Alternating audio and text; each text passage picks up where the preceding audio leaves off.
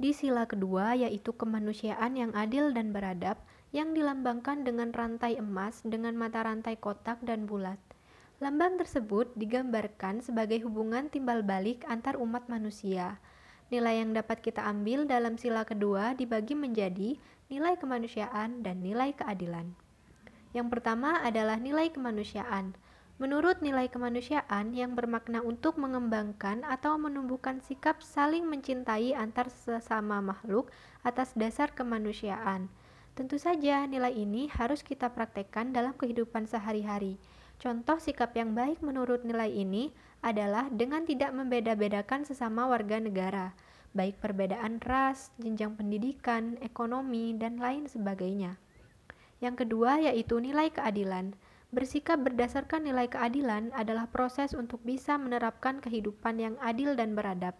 Contoh sikap yang baik berdasarkan nilai keadilan adalah dengan berani membela kebenaran serta keadilan, karena keadilan harus selalu ditampakkan di hadapan masyarakat dengan cara tidak membeda-bedakan golongan-golongan di masyarakat.